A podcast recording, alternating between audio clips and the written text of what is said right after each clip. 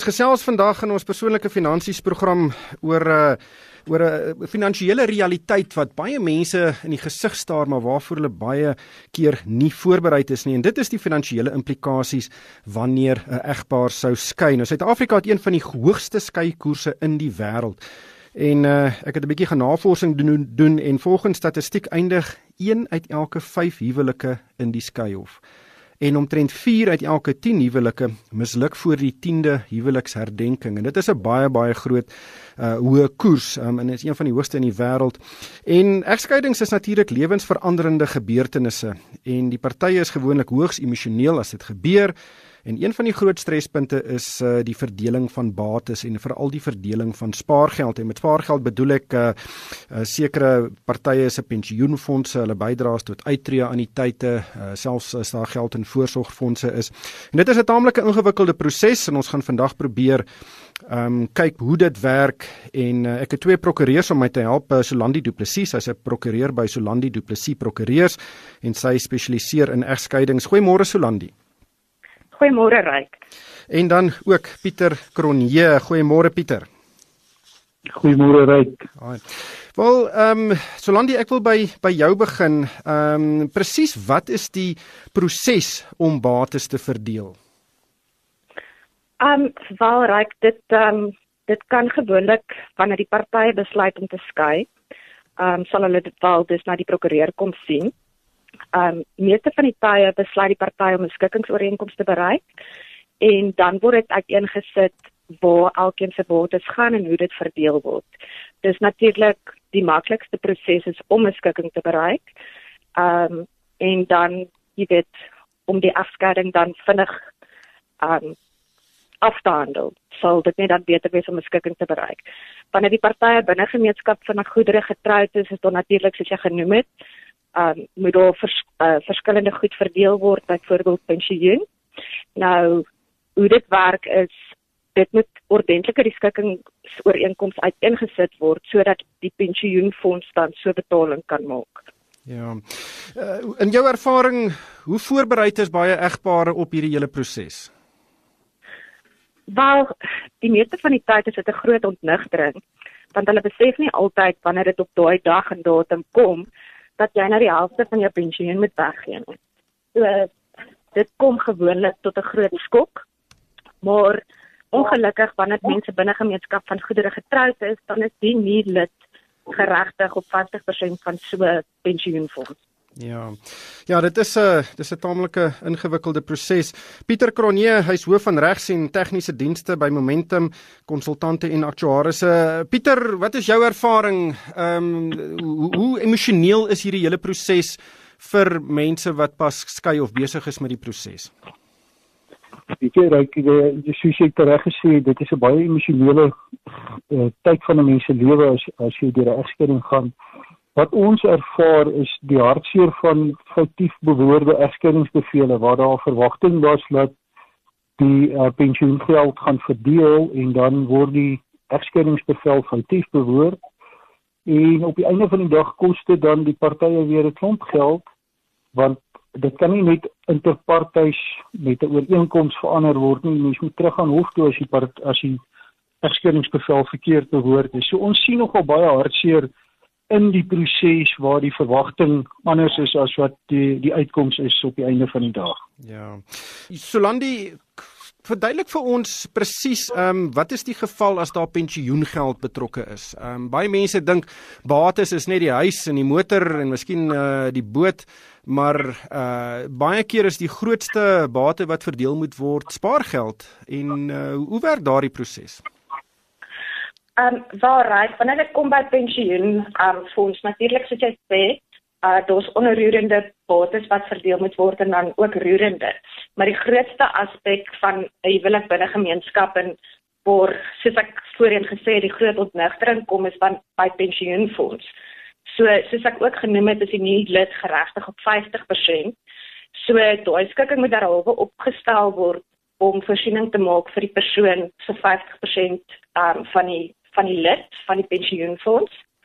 Um dit word op uiteengesit in die skikkingsooreenkomste en um dit moet breedvoerig um uiteengesit word wat se kontribusie en wat se persentasie moet uitbetaal word. Daai skikking word dan so aan die pensioenfonds deurgegee om daaroor dan die betaling uit te maak aan die nuut. Hmm.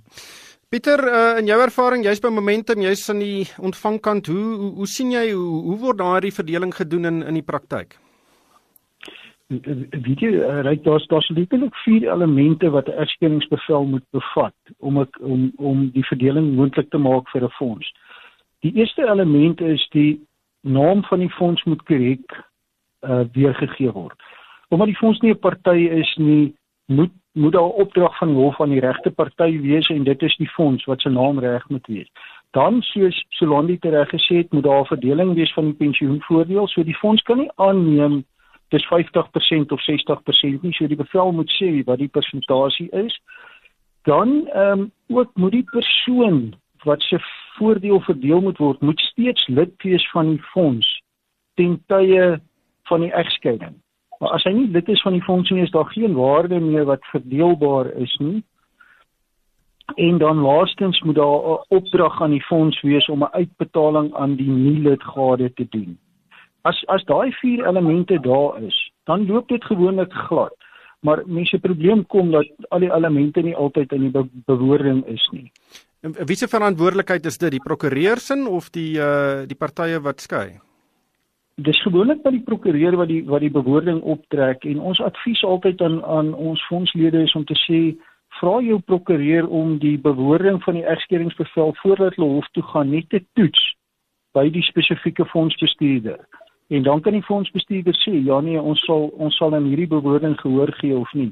Dit skakel baie probleme in die toekoms uit as dit getoets word. En is dit die geval vir pensioenfonde vir uittreë anniteite en, en miskien as iemand 'n 'n voorsorgfonds het, is die reëls dieselfde vir al drie?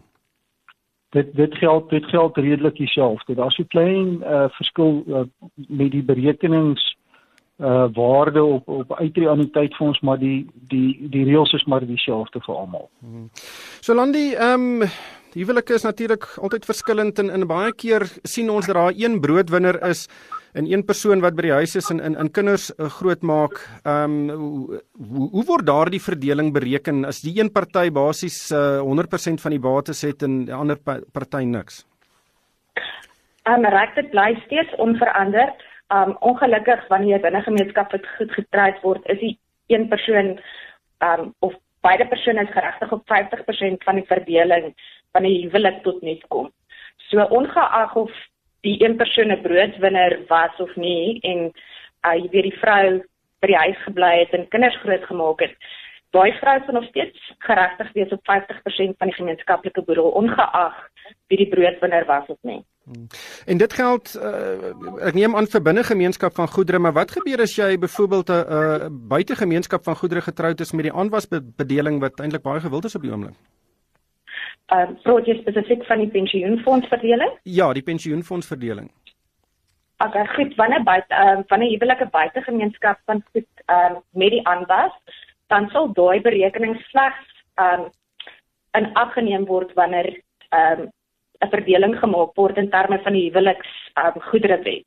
So met ander woorde wanneer jy 'n HTK gestig het en die huwelik moet dan um, tot nie kom en ons wil dan 'n 'n kalkulasie doen oor die berekening van die aanwas, dan sal jou pensioen dan in berekening gebring word in daai berekening.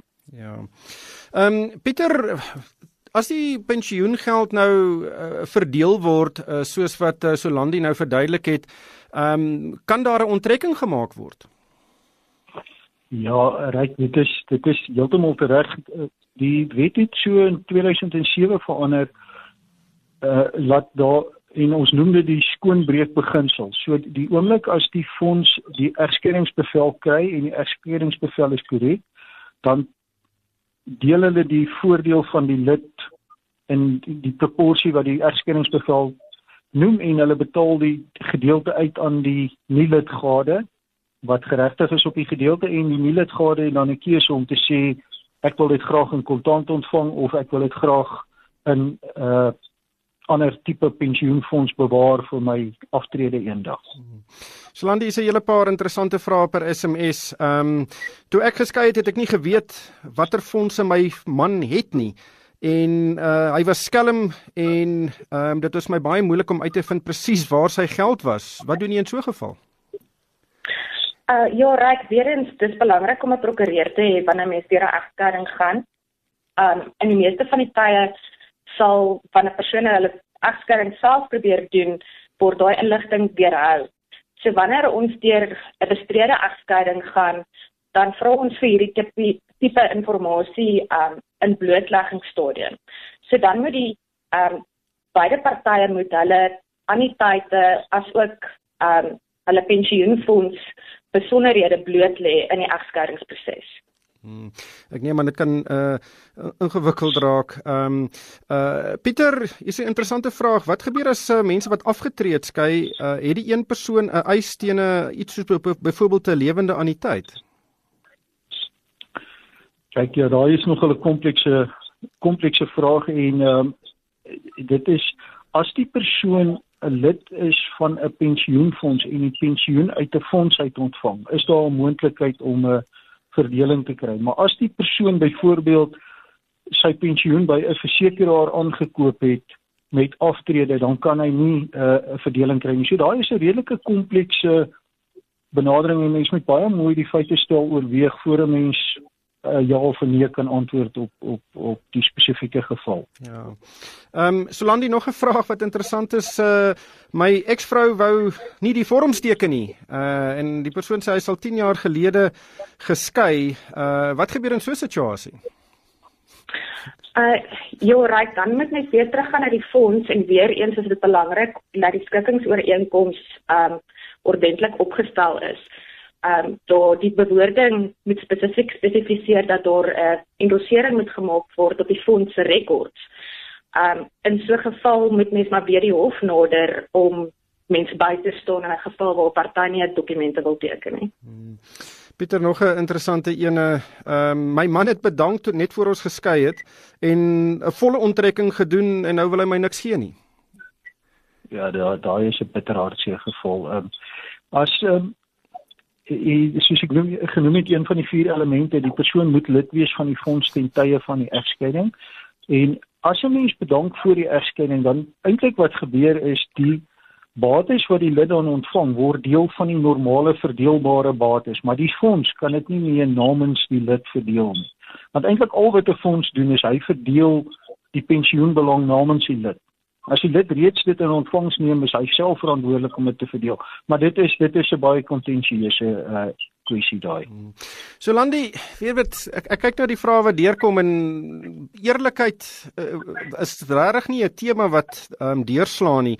Ehm um, en natuurlik is mense emosioneel as jy skei, jy's kwaad vir die ander party, jy voel jy's ingedoen uh hoe belangrik is dit um of of, of hoekom besl wat besluit die hof? Kan die hof besluit hoeveel geld die verskillende partye kry? Um ryk wanneer dit weer eens wanneer dit kom by binnegemeenskap van goedere um dan is elke party geregtig op 50% um wanneer 'n afskaring tot 'n punt kom waar ons dan op verhoor is en die partye kan nie besluit hoe die bates verdeel word nie, dan vra ons die hof om 'n likwidateur aan te stel om dan voorsiening te maak om die bates te verdeel tussen die partye. Hmm. Ehm um, Pieter onderhoud, hoe pas onderhoud in by hierdie op so skikking en uh wat wat is die ehm um, het dit enige sin se impak op die verdeling van bates? Onderhoud uh, speel nie 'n rol by die verdeling van die bate die pensioenfonds belang by egskeiding nie. Daar is wel in ander gevalle waar onderhoud 'n 'n rol sou speel by ten tye van dood en en en die selfs ten tye wat die lid aktief in diens is kan as hy 'n onderhoudsbevel nie nakom nie kan daar eis na die pensioenfonds toe kom. Maar dit dit is dit word nie in ag geneem ten tye van die verdeling van die pensioenfonds bates by egskeiding nie. Hmm. Nog 'n Solandi interessante vraag. My vrou het net weggeloop en ons is uh, nog nie geskei nie. Ek, wat kan kan sy dan 'n aanspraak op my bates hê uh, as sy eendag uh, instem tot 'n egskeiding? Uh waar raak dit dan af van die in die, in die gelang van die geval? Um wanneer 'n gode verdwyn en ons hulle egskeiding instel. Um ons moet dan 'n aansoek bring vir elektroniese situasie om dan die hof te magtig of die hof dan te vra of ons dan 'n egskeiding um, kan doen by wyse van of per e-pos betekening of kennisgewing in die, in um, koerante om daai persoon in kennis te stel dat die een gade egskeidingsgeding wil instel. Wanneer dan daar geen reaksie is op so aansoek of op die kennisgewings nie, dan sal die hof gelas dat so egskeiding deurgaan. Ehm um, daaroor sal daai persoon nie later geregtig wees om aanspraak te maak op die bates nie. Hmm. Pieter, wat is die belastingimplikasies indien 'n pensioen in in twee gedeel word? Kyk, die die dit is een van die die ehm um, gevalle waar daar 'n soort van 'n uitsondering is waar die die lid betaal nie die belasting nie, die nie lid gade wat die gedeelte ontvang uh word is verantwoordelik vir daai belasting en daai belasting word gesien soos enige ander onttrekkingsvoordeel uit 'n pensioenfonds uit en sy betaal in uh, well, ek neem nou ek gebruik nou sommer die woord sy maar die party wat die geld kry betaal belasting in terme van die onttrekkingstabel. Dis 'n sekere tabel wat waar waar volgens mens belas word as jy sou onttrek en as die persoon sou bewaar, sal die persoon in terme van die aftreetabel belasting betaal wanneer die persoon eendag die aftreegeld uit die fonds uithaal. Uh, Solandi ons tyd is besig om min te raak, maar het jy enige wenke uh, wenke en aanhalingstekens vir mense wat besig is om te skei om hierdie proses so pynloos as moontlik te maak? Um reg ja, weer eens um ongelukkig in die meeste van die gevalle kan partye nie bekostig om 'n prokureur te hê nie en daaroor probeer hulle die afskering op hulle eie doen. Um dit is verskriklik belangrik om 'n prokureur te kry wat spesialiseer in egskeidings en wat kennis dra hoe om 'n skikking op te stel en die spesifieke bewoordings in en ek verwys weer spesifiek na pensioenbelang um, om daai skikking ordentlik op te stel en wat die kennis dra en wat die fondse verlang vir um, die uitbetaling van pensioengeld. Uh wanneer daai skikkingsooreenkoms nie korrek bewoord is nie, dan stoor jy die gevaar in die gesig dat jy moet teruggaan hof toe en weer aansoek doen om daai skikkingsooreenkoms te wysig sodat die fonds dan kan uitbetaal. Dit kan partye duur te staan kom indien jy nie 'n ordentlike skikking opgestel het nie. Ja. Pieter, het jy enige wenke? Reg ja, ek dink die belangrike ding as as daar pensioenverdeling gedoen moet word, gaan toets die bewoording by die fondsbestuurder of die administreerder.